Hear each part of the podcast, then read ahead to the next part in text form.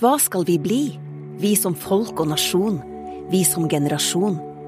I ei tid full av utfordringer, men òg muligheter, la oss bli de som tok ansvar og styring, som skapte nye bransjer og næringer, som oppfylte håpet om bærekraftig vekst, som ville noe nytt, noe bedre, noe mer.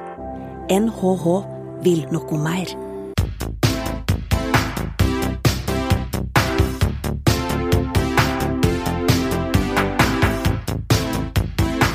Velkommen til en ny episode av Ledertaffel, NHHs podkast om ledelse. I denne podkasten kaster vi et blikk på aktuelle tema innen organisasjon og ledelse. Vi diskuterer hva forskningen sier, og vi kommer med noen av våre tanker om hva ledere kan gjøre annerledes for å lykkes der de er. Mitt navn er Marius Jones, og jeg er ph.d.-stipendiat her ved Norges handelshøyskole.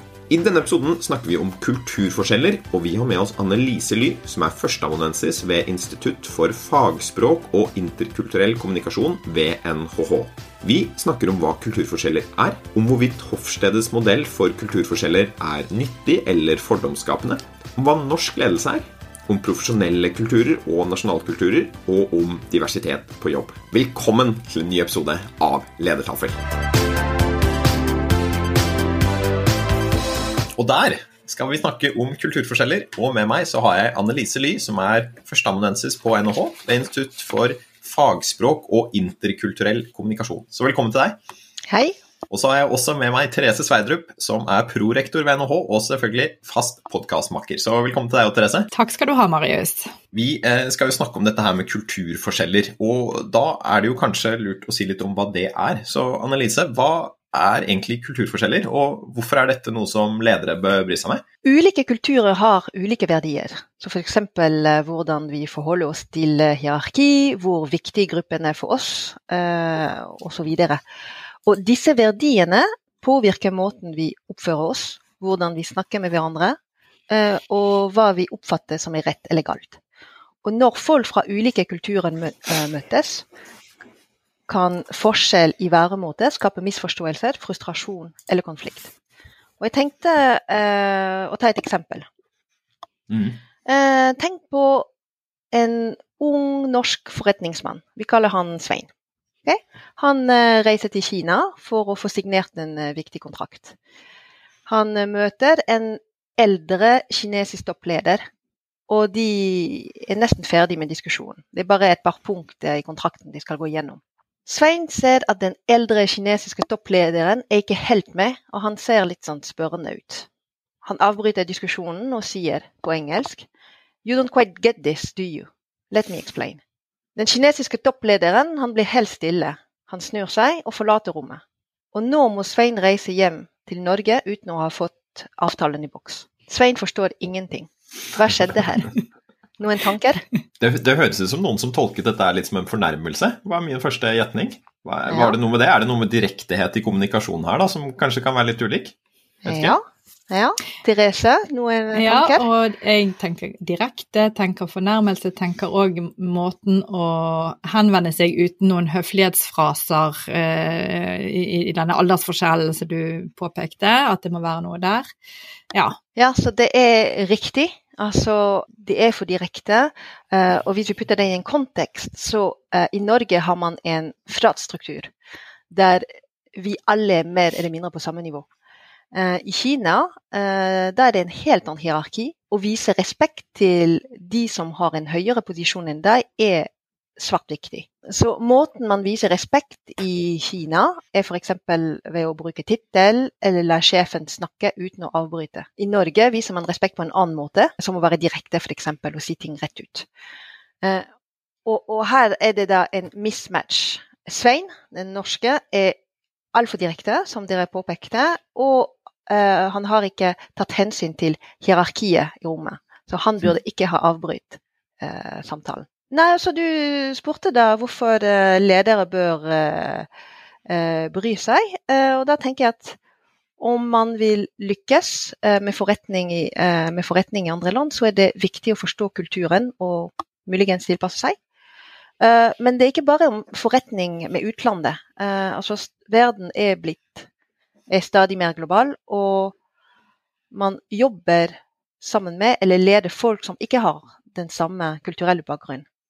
Så for at samarbeid eller ledelse skal lykkes, så er det viktig å bli bevisst på kulturforskjeller. Det forsterkes jo sikkert også nå i eh, koronatider og det som følger, da, hvor det blir mer normalisert å jobbe fra hjemmekontor. For det gjør jo noe med kravene til å være på samme sted. Og når vi ikke trenger å være det lenger, så, så vil jo det, hvis man på en måte knekker disse kodene, da, om man kommuniserer på tvers av kulturer, så er det jo tilgang til en helt annen pool av mulige ansatte også, da, som du kan trekke inn i bedriften din. Absolutt. Kan man si noe generelt om hvordan vi som nordmenn oppfattes i utlandet? For vi ser jo sikkert ikke alle de rare tingene vi gjør som ser rart ut med andre briller. Hva er det som skjer når nordmenn prøver å kommunisere på norsk det, i andre steder i verden? Nordmenn kan eh, altså oppfattes som uformelle, men direkte. Og kanskje av og til for direkte. I min forskning ser jeg at folk som jobber i norske firmaer, liker Eh, at det er uformelle forhold mellom sjefen og, og, ansatte. Det er kort avstand mellom sjefen og ansatte. Mm. Uh, og at uh, det går fint å snakke til sjefen, eller spise lunsj med sjefen, eller være uenig. Så det oppfattes som svært positivt. Uh, samtidig kan nordmenn også oppfattes, bli oppfattet som for direkte. Så i Norge er det stort sett eh, positivt å være direkte. Man har også den oppfatning i en jobbsammenheng eh, at det er en, et klart skille mellom jobb og person. Så da er det helt fint å si ting rett ut, og det er helt fint å kritisere f.eks. noe man har gjort i en jobbsammenheng. Men hvis man gjør det i en annen kulturell kontekst, så er det fort gjort å mm. fornærme, eh, og samarbeid og relasjon kan bli ødelagt. Og på toppen av det hele når samtalen foregår på engelsk, da kan det skape problemer fordi det ikke er en småsmål. Her har jeg et eksempel også. Altså nordmenn, og man kan si også skandinaver generelt, eh, klarer seg bra i en dagsligdags samtale eh, på engelsk. Eh, men i en jobbsammenheng kan de mangle en del nyanser for å uttrykke seg i en hensiktsmessig måte. Så på norsk bruker man ikke så mange høflighetsfraser som du eh, påpekte i sted, eh, Therese.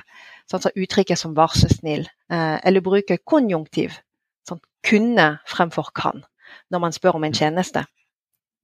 Og når man oversetter dette til engelsk, så er det fort gjort å glemme både 'please' eller 'could'.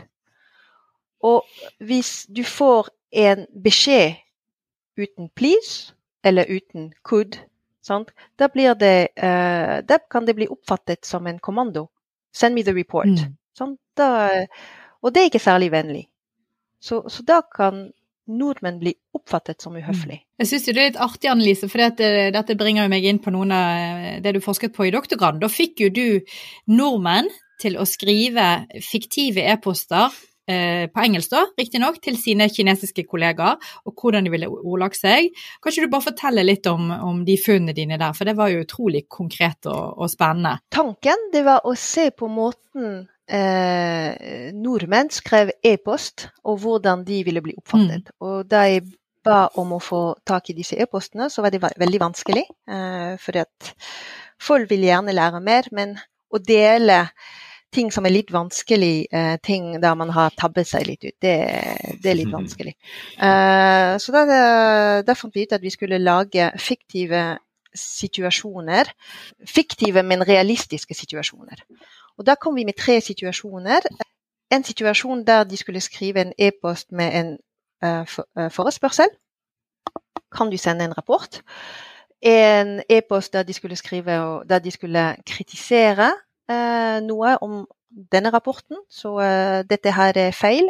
Det, det, du, du, har fått en rapport, men det er feil. Hva, hva gjør du da? Hvordan skriver du det da? Uh, og en tredje e-post der man skulle skrive at man var uenig med mottakeren, e-postmottakeren om et tiltak. Og hva, hvordan gjør du det da? og så analyserte jeg det fra et lingvistisk synspunkt, og kategoriserte jeg funnene. Og så tok jeg disse funnene til Kina og Korea og spurte mm. mine kinesiske og koreanske informanter om å vurdere de, hvor høflig det var, hvor tydelig det var osv. Mm. Da. Og det viste seg at når det gjaldt eh, forespørsel, så eh, var nordmenn relativt direkte, men kineserne tenkte at ok, men det er greit, det er en jobbsammenheng, vi kan, vi kan være greit. Uh, men når det gjaldt kritikk og uenighet, så var nordmenn ikke så direkte som man tror. Man sier mm. ofte at eh, nordmenn er veldig direkte, men når det gjaldt kritikk og uenighet, så var det ikke så direkte. Uh, og, og, det som var interessant, det er å se hvordan noen er på som faktisk var uh, veldig direkte, hvordan de ble mm. oppfattet, og diskutere rundt dette her. Da. Jeg jobbet videre med, med disse dataene og, viste det ikke bare til kineserne, for at man kan tenke ja, men kineserne det er kanskje litt mer indirekte osv. Men jeg viste det selv til nordmenn, til mm. tyskerne, Uh, og nå viser jeg det til mine studenter som har en internasjonal mm. bakgrunn.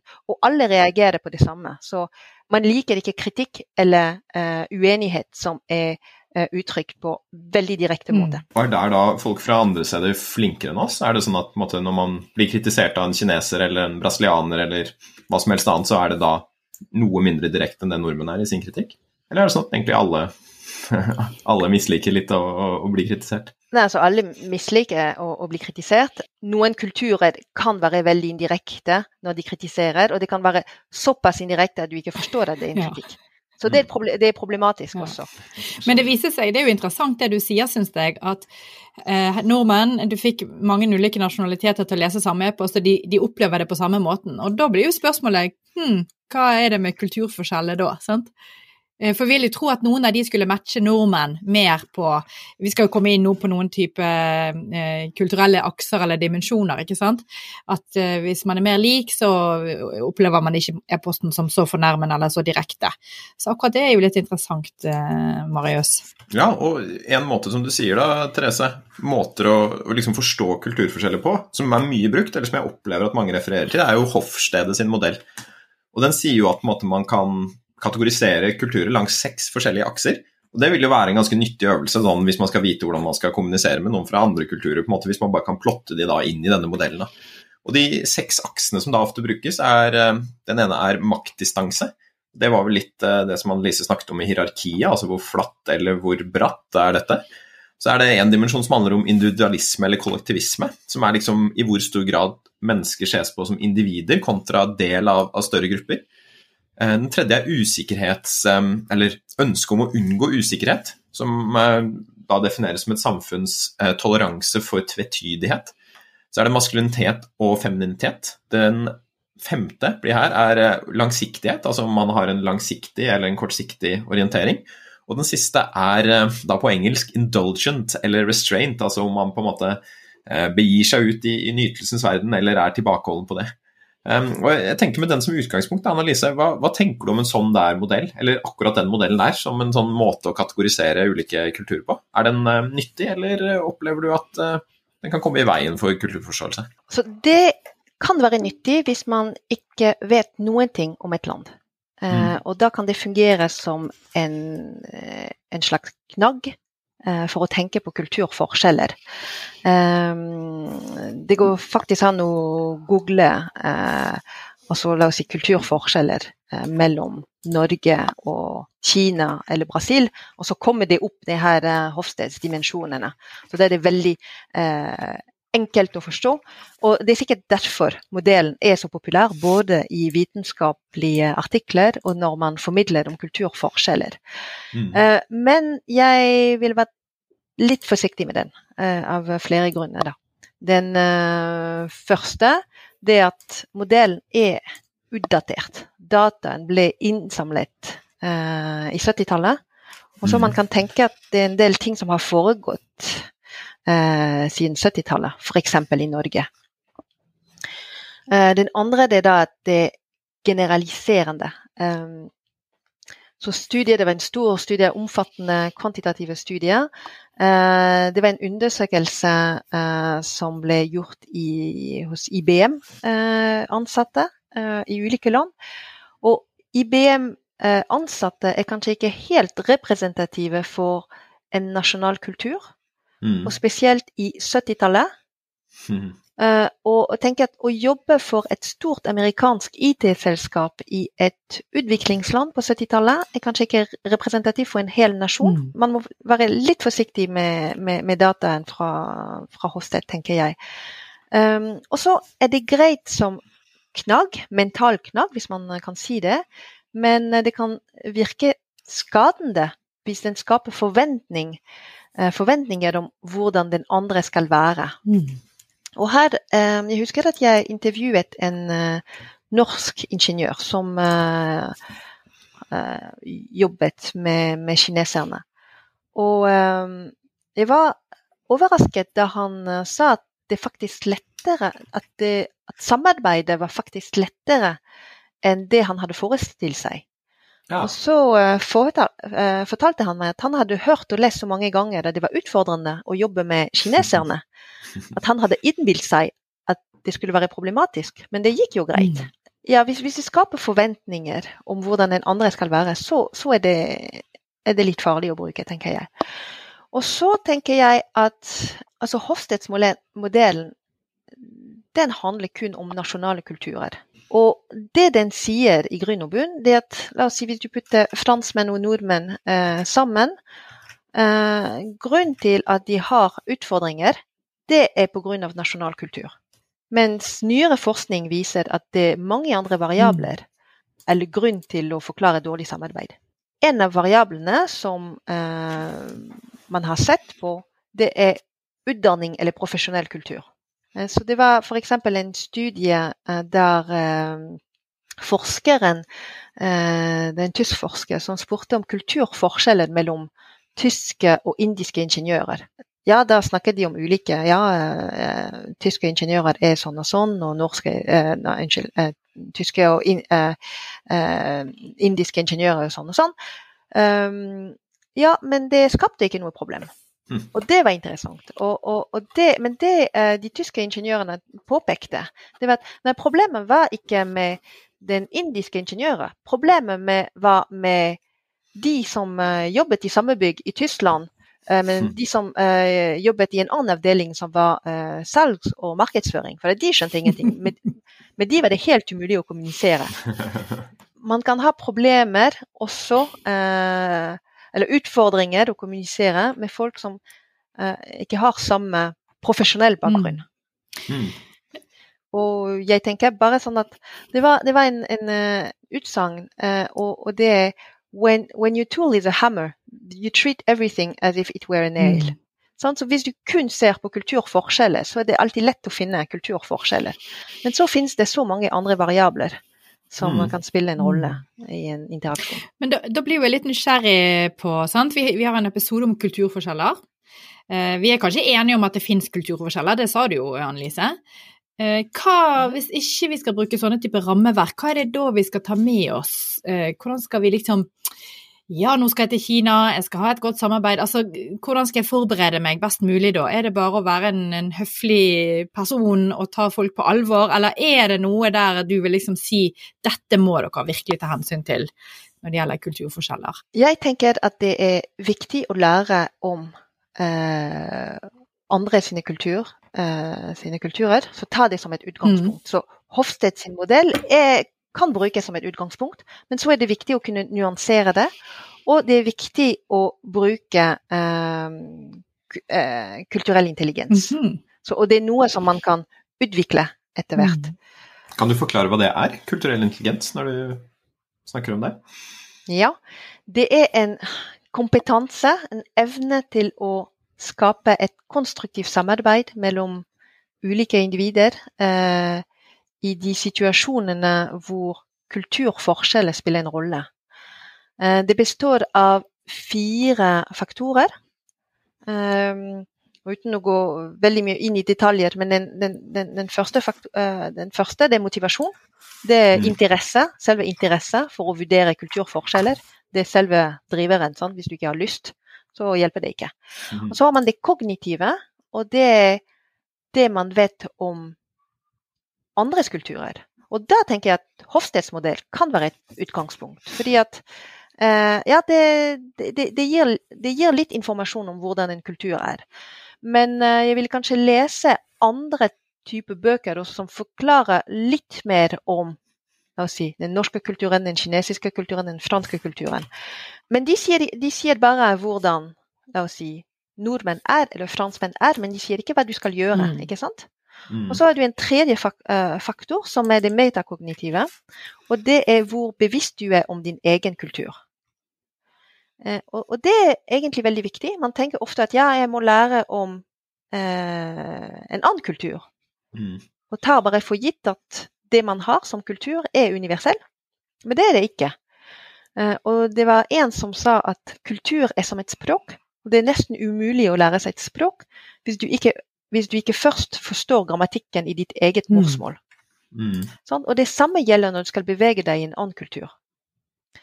Eh, og så det, det, det, fjerde faktoren, det er atferd. Det er evnen faktisk til å, å, å, gjøre, til å tilpasse eller ikke. Ja, for Det er jo litt interessant når vi snakker om disse rammeverkene her, da, for jeg gikk inn og så på liksom en sånn sammenligning av land, på, på, og så da på Norge og Kina på denne Hofstede-modellen.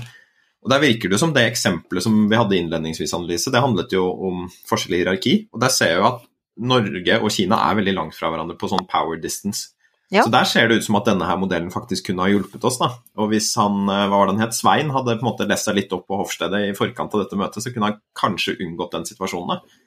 Vet ikke om det, det rimer der. Jeg syns det er krevende å liksom vite hva dette er som er kunnskap som er nyttig, og hva som bare blir fordommer når man går inn i, i møte med andre kulturer. Ja, og som sagt, jeg tenker at det er greit å bruke Hofstedsmodellen som et utgangspunkt. Så uh, hadde han ikke hatt tid til å lese noe mer, så Hofsted er greit. Men å bruke en dimensjon og si at maktavstand eller maktdistanse er uh, veldig forskjellig, sier ikke så mye om, uh, om, hvordan du skal tilpasse deg eller mm. ikke. Mm. Og et annet spørsmål jeg får litt, er jo dette her hvis du snakker om kulturell intelligens. Sant? At jeg skal nå reise til Kina. Så det er liksom Da blir det vel egentlig litt mitt ansvar å sette meg inn i den kulturen jeg skal reise til, ikke sant?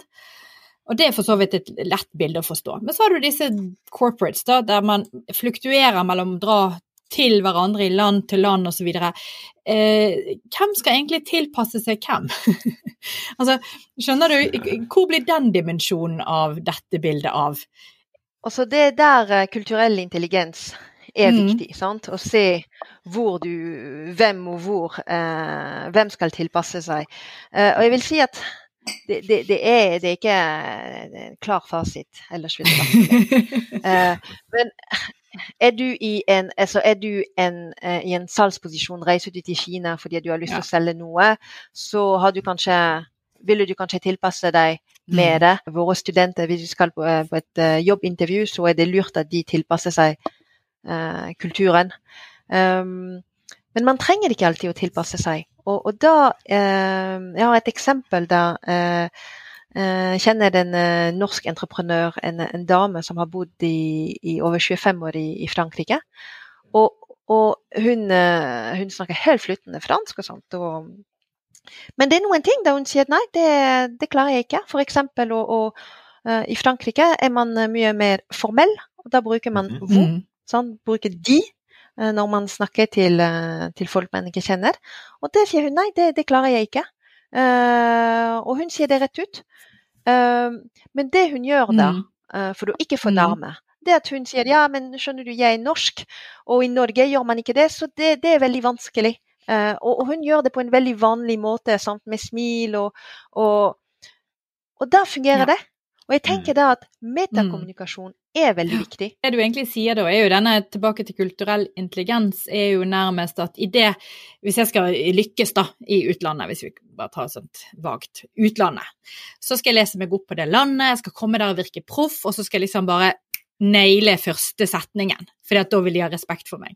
Men så sier du kanskje at like greit kan man si det at ja, la oss bare anerkjenne at her kommer jeg, og jeg vil gjerne eh, snakke til dere sånn at det er høflig og alt det, men det kan være litt utfordrende. Altså, jeg sier ikke at man skal si det akkurat på den måten, men, men du snakker om en slags åpenhet for å, å, si at dette kan være utfordrende. Vi har prøvd å sette oss ned og se på hvordan vi skal tilnærme oss hverandre, og at ja, det kan være faktorer ved at vi kommer fra ulike kulturer som vil prege vår samtale eller samarbeid. Det er det du tenker er ok å gjøre. Alle, er det noen kulturer som ville tenkt herregud, her kommer en skikkelig uproff dame fra Norge, preiker i vei.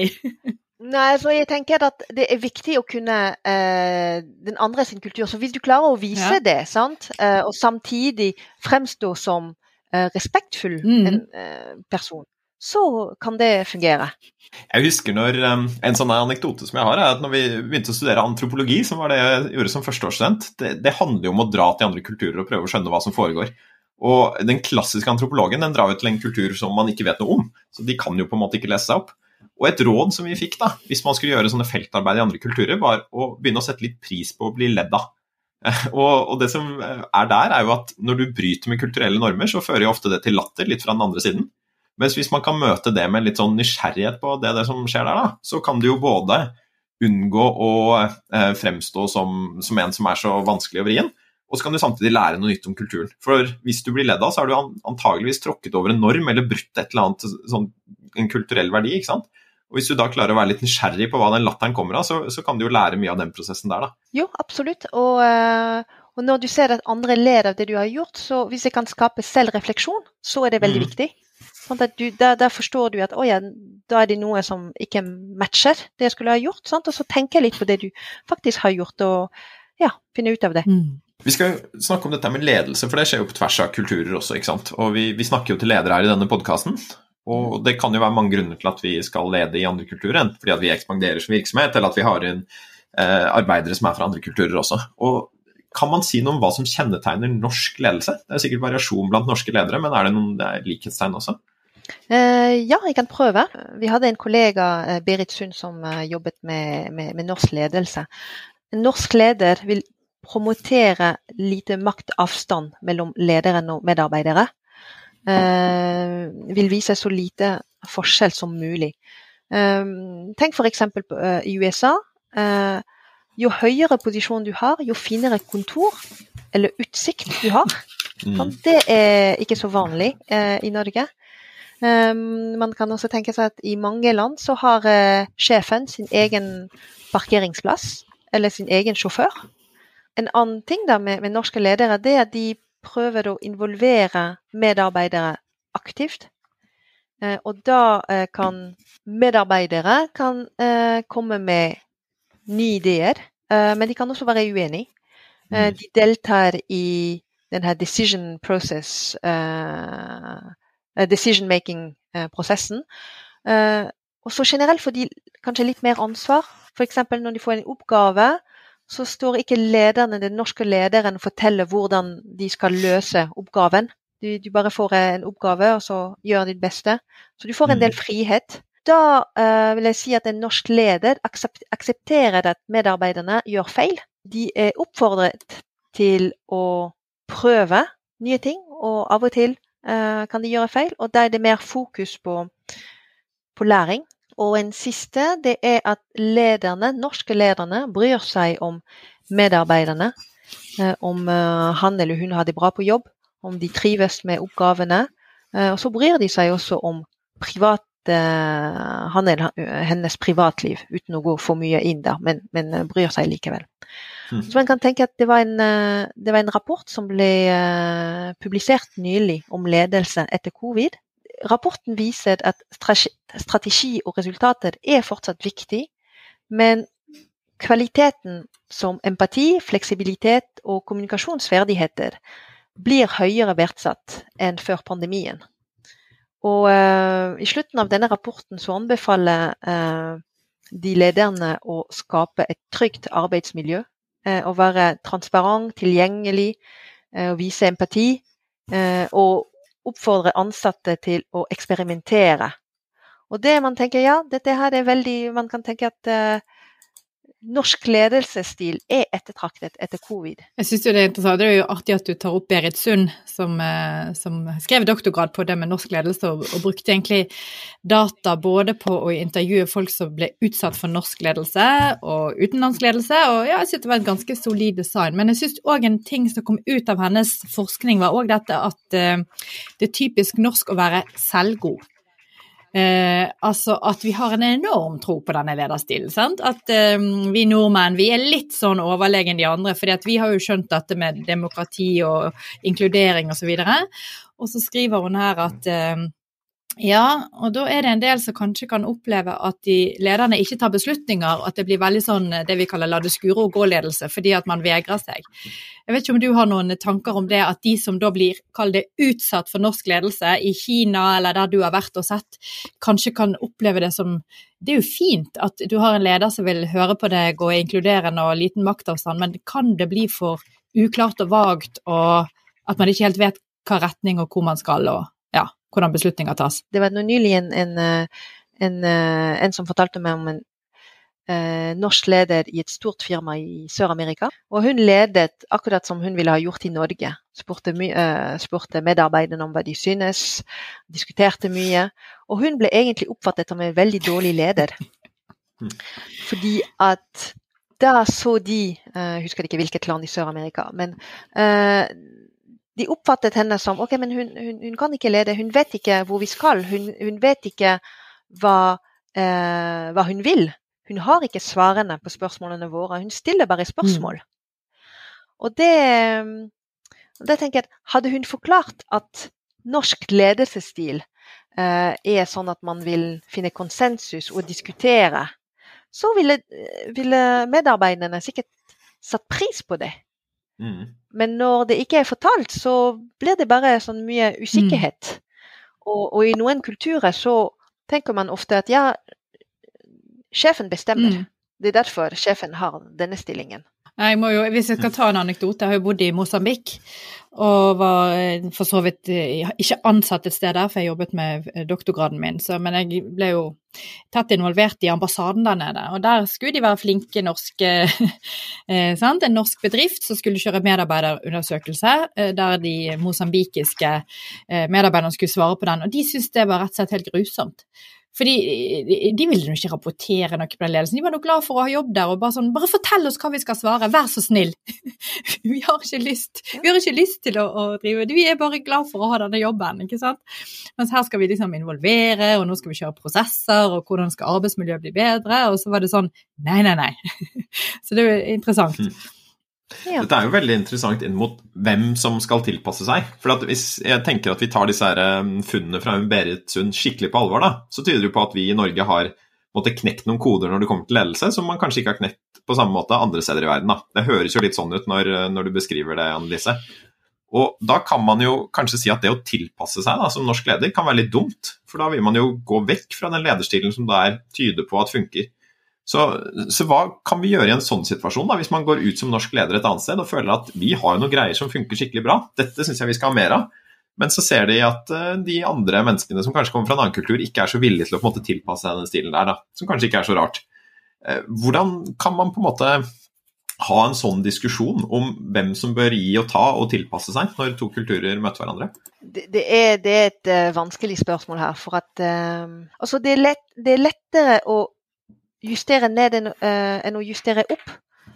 Sånn, for hvis, hvis um, det er lettere å begynne med titler og sånt, og så sier, uh, uh, sier personen ja, men det er greit, la oss droppe tittelen, mm, kall meg Max. Det, mm. det, det, er mye lettere det enn å begynne med å kalle personen Max, og så er han fornærmet, og, og da er samarbeidet brudd. Sånn, så mm. litt ekstra høflighet, litt ekstra åpenhet. Um, skader ikke. Og så, eh, men metakommunikasjon Jeg tenker at metakommunikasjon er utrolig viktig. Å, lære om sin egen kultur. Ja, nei, Jeg får jo lyst til å bringe inn vår egen studieanalyse. Meg og deg har jo en, en, studie som vi nå skal sende ut og håpe å få publisert, men som handler om eh, å lede gjennom verdier. Ikke sant? Og at man tar noen verdier som er definert i en norsk kontekst, i et norsk firma, og så skal man implementere det i India. Så du har ledere i India som er indisk, som selvfølgelig snakker engelsk, tar disse verdiene som er først uttalt på norsk, så oversatt til engelsk, og så skal de implementeres i India. Og så blir egentlig verdiene da brukt som ledelsesverktøyet, for det skal da implementeres i, i denne bedriften i India. Og så er de verdiene veldig sånn, jeg vil kalle de nesten litt sånn allmenngyldige. Det, det, det snakker til hjertet, at vi skal bry oss om hverandre, og det snakker til hjernen, at man skal være dyktig. Ikke sant? Eh, og så bruker de da det som vi har kalt sånne HR practices til å implementere disse verdiene, at man bruker god tid i sosialiseringsprosessen, at man eh, gjennom intervjufasen er veldig tydelig på disse verdiene osv. Så, videre. så Så det er jo òg en annen måte å tenke ledelse på at du frigjør litt det med å lede fra personen som er leder, men at du legger det inn i de verdiene. Og da er jo spørsmålet ok, du har et verdisett, som du sier, Annelise, i en uh, kultur. Det er jo kultur i verdier. Og så kommer det en bedrift som har noen verdier. Bør de være da stemme overens med de nasjonale verdiene?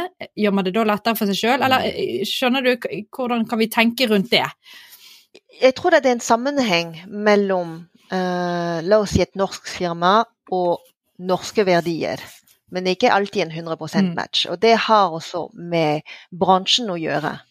Uh, la oss tenke på IT-bransjen, uh, eller ingeniørbransjen, så har de også en profesjonell kultur.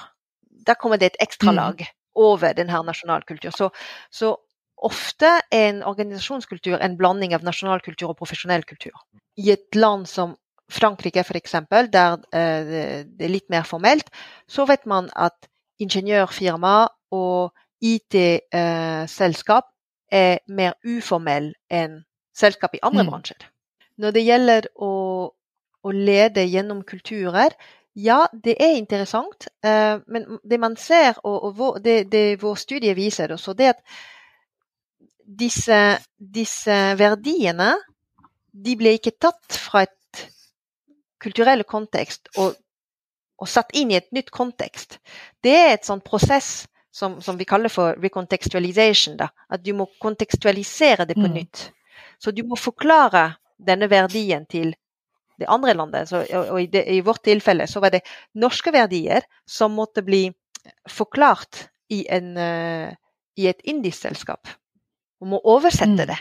Uh, sånn at de i India klarer å forstå hva man mener med ja, de verdiene vi hadde. Sant? Og, og, og der f.eks. å bry seg om andre osv., så, videre, så så klarte de norske lederne å koble det til, til tanken at ja, familie. Sant? Vi er som en familie. Og da fungerte det. For mm. at i India å snakke om familie er veldig viktig. Så å få frem det her med at man skal, uh, man skal uh, passe på hverandre, man skal bry seg om hverandre, om, om, om kolleger og sånt, så ja, hvis, hvis, hvis vi klarer å, å, få denne metaforen 'vi er en familie', så fungerer det bedre. Um, å si at vi er en familie i Norge, ja det fungerer, men kanskje ikke så bra som mm. India. Fordi at begrepet familie er mye sterkere i India enn den er i, i Norge. Og, og, Hva var det dere fant sånn på, på, slutten av dette studiet? her da? Jeg vet ikke om dere har noen endelig konklusjon, men jeg har jo inntrykk av at dette IT-selskapet har klart seg veldig godt i Norge med å lede fra disse verdiene. Fungerte det også i India? Eh, vi, fant, vi følte det jo bare noen år i India, og da, da, fungerte det etter hensikten sånn som vi så det. Det som var utfordringen mm. deres, var jo at uh, de skulle onboarde folk uh, så hurtig og med så mange på slutten der at da ble det vanskelig, fordi at vi ser at det tar enormt med tid og krefter. Fordi at den prosessen vi beskrev for å få noen inn i disse verdiene, var jo at du skulle ha en mentor eh, som skulle sitte tett på med sånn type on the job training, du skulle ha denne sosialiseringsprosessen skulle vare ganske lenge, du skulle ha mange eh, møter privat osv som eh, i starten gjorde at det, det, gikk fint. Men så når du ansetter mm. ganske mange, så eh, glipper det litt. Og da kan det da bli en eh, utfordring. Fordi at en, en del av det å være som Annelise sier, å være en familie og det å være trygge på hverandre. Det vi opplevde, var jo at en del hadde kommet fra veldig klassiske, tradisjonelle, store firmaer der de hadde ingen stemme.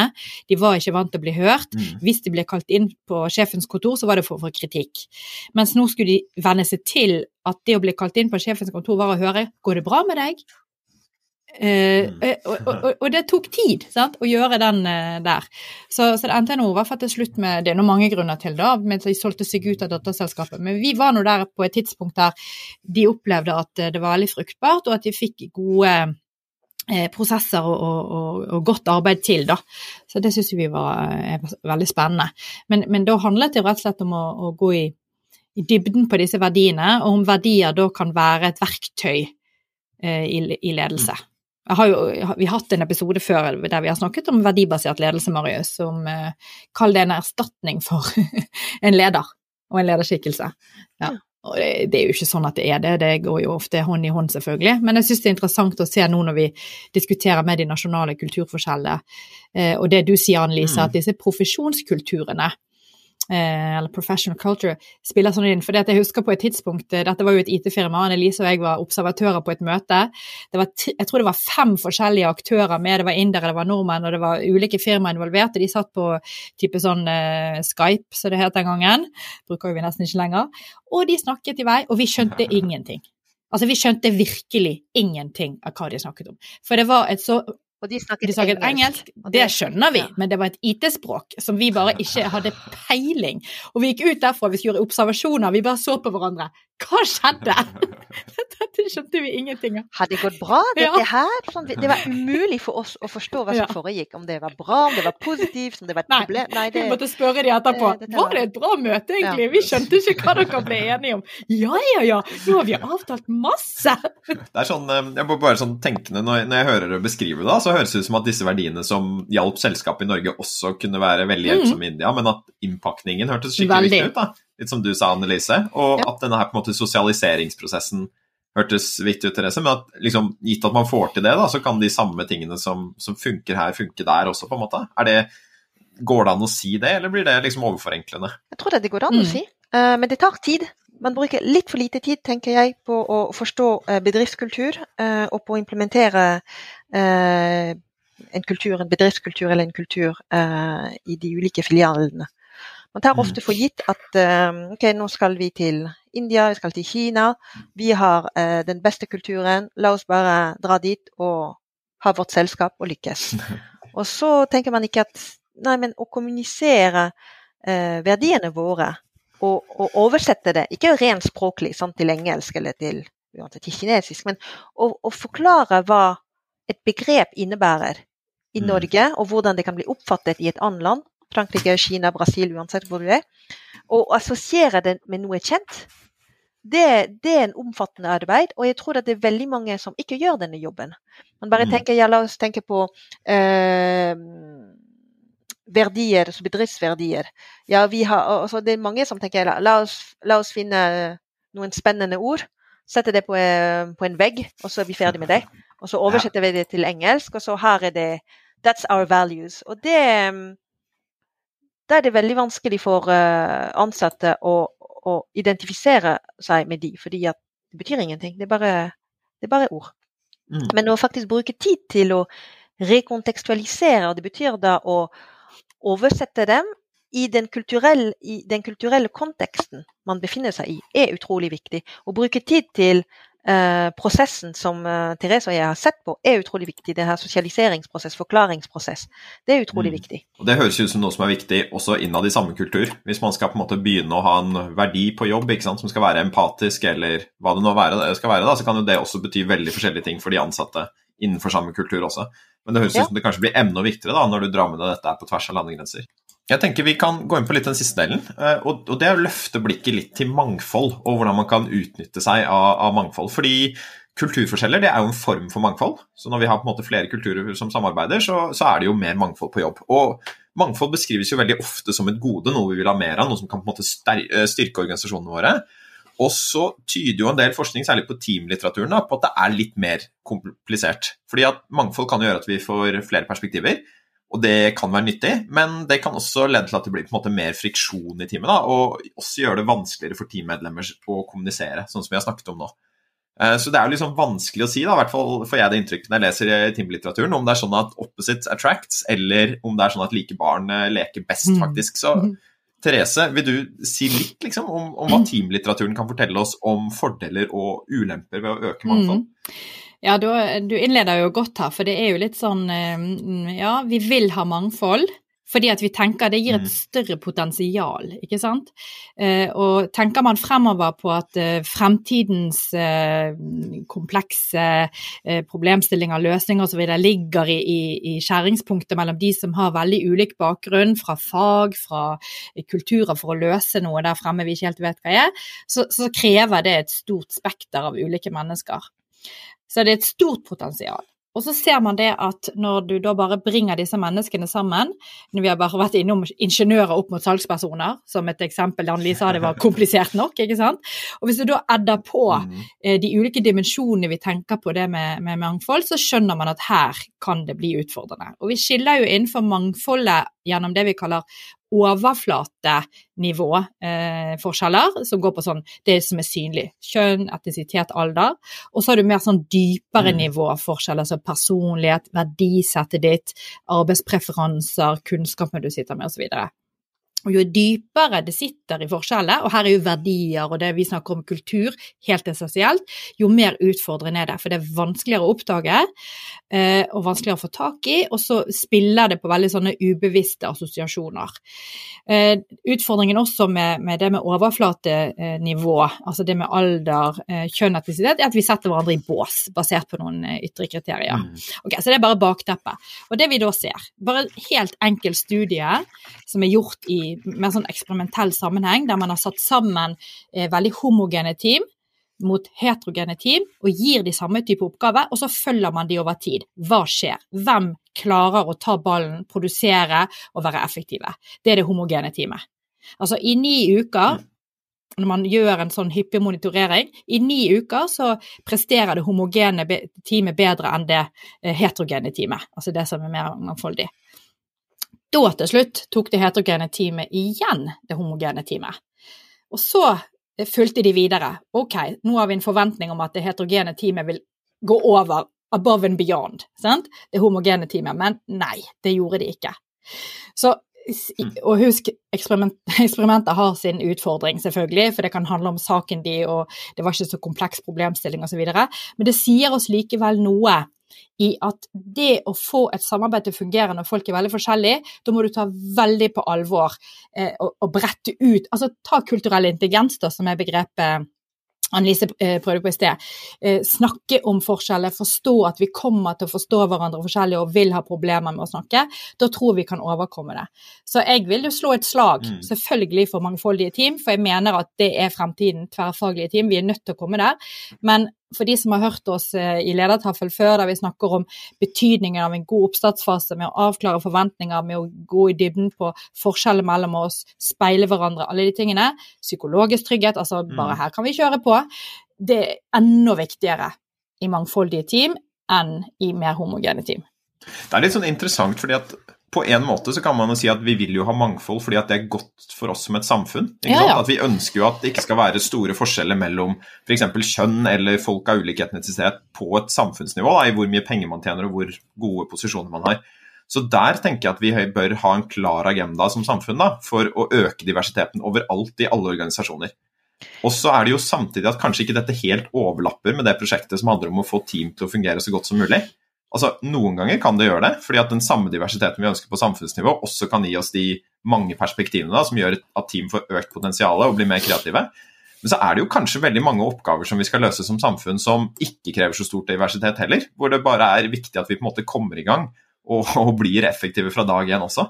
Så jeg, jeg, tror noe som kanskje kunne vært nyttig for denne her debatten, er å prøve å på en måte skille de to prosjektene litt. Da. Det ene er skape et inkluderende samfunn og skape effektive team, og så innrømme overfor oss selv at det er ikke sikkert at hva som er best for det ene, alltid er best for det andre også. Jeg vet ikke om det der uh, resonnerer. Ja, uh, jeg tenker at altså, mangfold er en ressurs. Men å bare sette folk fra ulike bakgrunn, kall det altså nasjonal bakgrunn eller etnisitet, det, det, det, hjelper ikke. sant? Altså, man, må, man, må, få dem til å jobbe sammen. Og det, eh, det er der integrering kommer. Eh, bare å invitere mangfold eh, til en fest, til et selskap, hjelper ikke hvis mm. man eh, ikke tar en ordentlig og seriøs jobb til å integrere de. Kan ikke dere si litt om den integrasjonsjobben? Hva er det man gjør liksom, i et team da, for å starte der, for å sørge for at man nyttiggjør seg det mangfoldet, uten at det på en måte går på bekostning av ja, i form av friksjon og, og dårlig kommunikasjon? Altså, jeg, jeg, tenker at Da, da går vi tilbake til, eh, til, til teamlitteraturen. Og, og teamlitteraturen da er det en del også om global teams. Og, og, de mhm. snakker om de samme prosessene. Uh, I global teams da snakker de om å være uh, tydelig når det gjelder oppgavene. Definere hva målet er, og hvordan det skal gjøres, og hvem som har ansvar osv. Men også, og, og det er en viktig del, å og være tydelig på uh, prosessen. Og hvordan skal uh, teamet jobbe sammen. Uh, og, og, og, det har, har, man i et sånn team, la oss si et sånn homogent team. men sånne aktiviteter som teambuilding f.eks. er desto viktigere i, mm. i team som, med, med, ulike bakgrunn, med folk med, fra ulike bakgrunn. Så, og, og, mm. men å avklare f.eks. hvilket språk de skal uh, snakke sammen, hva slags utfordringer uh, det kan oppstå når det gjelder kommunikasjon. Hvordan kan man sjekke for at ting er forstått eller ikke forstått? Hvordan kan man sikre for at alle har rom til å uttrykke seg? Uh, hvorfor er det den ene som uttrykker seg hele tiden og ikke den andre? Har det med språkkompetanse å gjøre? I tillegg til selvfølgelig personlighet og andre faktorer. og jeg tenker da, å gi rom til å diskutere sånne prosesser er utrolig viktig uh, i team, og spesielt i globale teamet. Mm. Ja, jeg kan bare være helt enig i det du sier der. Og det, det er den ekstra dimensjonen knyttet til det eh, når det blir kalt kulturforskjell, eller eh, hva, hva, er det direkte språket, hva er høflighetsfrasene vi skal bruke? Altså, hvordan, Det der første møtet, sant? hvis man trakker i baret mm. der og, og, fornærmer noen. Sant? Og så syns jo jeg eh, var det, var det du Annelise som snakket i sted, vi må, eller var det du Marius som sier vi må kunne le litt? Det var jo antropologen, sant. Vi må mm. kunne reise ut, og så kan vi bli ledd litt av. og det jeg går jo litt på å kalle det med psykologisk trygghet at vi Denne humordimensjonen Jeg vet jo at en del team bruker sånne type icebreaker-øvelser. sant? At du, du, blir satt i noen sånne båser på at 'å, du er så rød, og du er så grønn'. Og i, i, i gitte tilfeller så kan det være litt artig, sant? fordi at du får en måte å snakke om det på. Det, faren er jo når du blir veldig rigid og at 'oi, nei, jeg kan ikke gjøre det, for jeg er rød'. Uh, det er ikke mm. en oppgave som passer for meg, for det, det blir jo litt uh, over uh, simplifiserende. Men, men, det har noe med at eh, i hvert fall det jeg har lært i, i, i globale, virtuelle team, eh, er jo at generelt sett tillit viktig, men i de type teamene er det å bygge opp tillit spesielt viktig. Fordi at det, du mm. skal eh, ha et rom for å komme av med kunnskapen din, du må våge å dele, må våge å stille spørsmål, og det gjør du ikke dersom det ikke er tillit eller psykologisk trygghet, da, som vi gjerne snakker om. Jeg tenker at For å bygge tillit altså Man tenker ofte at det er viktig å snakke om forskjeller, og det, det gjør jeg her, også blant annet. Men det er også veldig viktig å tenke på ok, hva har vi til felles. Mm. Mm. Så um, jeg underviser f.eks. et kurs der, uh, uh, der studentene mine er, altså har en internasjonal bakgrunn, og det er mange, ja, mange nasjonaliteter i dette kurset. Og der, der, må de jobbe i multikulturelle team. Og en av de første oppgavene de, de, de har, det er jo faktisk å, å, finne noe de har til felles. For det er den første ting du ser, det er at de er fra fire eller fem ulike mm. land. Men ok, hva, mm. hva er det dere har til felles? Uh, og så tenker jeg at um, tilbakemeldinger er utrolig viktig. Uh, og en av mm. de aktivitetene de har, uh, det er at de må gi tilbakemelding til hverandre hver eneste uke. Sånn at de kan se hvordan de blir oppfattet. Har de vært for direkte? Har de tatt for mye plass? Burde de ha tatt mer plass? Og, og, og, da er det litt sånn en, en læringsmekanisme, da. At du, du, mm. du, du, prøver å gjøre noe, du ser hvordan du er oppfattet av andre.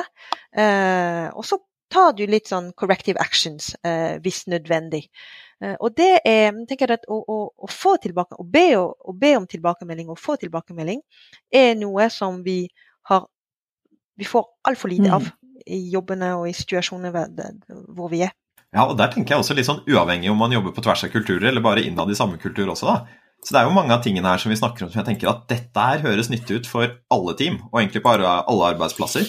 Litt sånn, Det er sikkert enda viktigere da når du har litt sånn kulturelt mangfold, men det å øke metakommunikasjonen, gi flere tilbakemeldinger og snakke mer om hvilke forventninger til hverandre vi har til hverandre, det høres ut som et gode um, uansett hvor du er omtrent. da. Så kanskje at disse tingene vi kan lære av det å jobbe med folk fra andre kulturer, også er noe vi kan ta med oss hjem, også om vi har en veldig homogen arbeidsplass. Da. Jeg tenker vi skal gå inn helt på slutten litt sånn for landing og bare spørre deg eh, om eh, tre ting som du tenker at ledere som skal lede i andre kulturer, bør ta med seg for å lykkes med det. Eh, jeg tenker at eh, det ene er å være bevisst på, på sin egen kultur, egne verdier og atferd, og samtidig å lære om andre sine kulturer å gi rom til andre, og lytte til andre, egentlig, og mm. høre litt om hva de mener, eh, de som, spesielt de som ikke har samme bakgrunn som deg. Eh, hvor de er. Hva er, hva er deres ståsted? Hva er, hva er, deres tanker og verdier? Bare, bare, for å få det ut, for det er mange ting som vi tar for gitt. Det, den andre tips det er å kommunisere tydelig. Mm. og igjen, jeg tror det er mange ting som vi tar for gitt i vår kultur. mange uskrevne regler. Er det viktig å, å kommunisere ekstra tydelig når man er med folk som har en, en annen bakgrunn. Uh, og det, det, ikke, det, det, gjelder nasjonal bakgrunn, sånn nasjonalkultur, men også folk som har uh, en annen utdanning. Så, så det, kan være fra, fra, samme si, land. Metakommunikasjon er da viktig. snakk om det du gjør, og hvorfor du gjør det. Og så den, den, siste, det, det å være proaktiv. Jeg tror at Jobb med mangfold og jobb med kulturforskjeller før det er for sent, før en konflikt oppstår. Uh, jeg har opplevd i min forskning at man begynner å, å, å tenke litt på å ja, det var noe det her med kulturforskjell og mangfold. Og det er gjerne for sent. Mhm. Det er når en konflikt har oppstått. Uh, men nei, start teamarbeidet med diskusjoner om forventninger, om forskjeller, om forskjeller og ulikhet, og likhet. unnskyld. Det er viktig å ha det fra, fra begynnelsen. Så vær proaktiv. Så det, det, gikk jo så mye inn i mine egne punkter i forhold til det vi, vi ja, egentlig messer litt om i forhold til teamarbeid osv., som jeg syns er fint å ta med seg her. Eh, skulle jeg nevnt noe eh, Det er jo for så vidt noe du er inne på, Annelise, med dette med som vi kaller unconscious bias, som er sånn generelt begrep om at vi, vi, går rundt i verden og ser ting gjennom noen briller som er veldig farget. Eh, og, mm. og, det å forstå sine egne kulturbriller eh, på hvordan vi både forstår mennesker Når jeg snakket om dette mangfoldet, at vi eh, på sånn overflateforskjeller med alder, eh, kjønn, etnisitet, vi setter folk i bås. Og det er veldig synd at vi gjør. sant? Det, det er lett for oss, for vi sorterer fort eh, hvordan vi skal tilnærme oss mennesker. men det er noen unconscious bias der som vi må ta hensyn til, som jeg tror vi alle hadde hatt godt å gå flere runder på når vi skal gå inn i et samarbeid. Så jeg vil egentlig bare slå et slag for det, som jeg kaller en fjerde ting. Kult. Har du, har du, et tips for de som vil på en måte se litt på sine unconscious bias? Hvordan man gjør det? For det høres ut som en krevende ting å gripe an. Ja, for det første kan du, du, du kan ta en eh, test på nettet som, eh, ja. som, jeg ikke husker, men den kan vi legge i eh, Når vi legger ut episoden, så kan vi legge link til den der. Jeg trodde sjøl at jeg var en uten unconscious bias, men så tok jeg den testen og kom ut med Nei, jaggu, her var det noen utfordringer. Og det var veldig interessant å se. Veldig kult. Tusen takk for tips, og takk for at dere var med, både Annelise og Therese. Bare hyggelig. Bare hyggelig.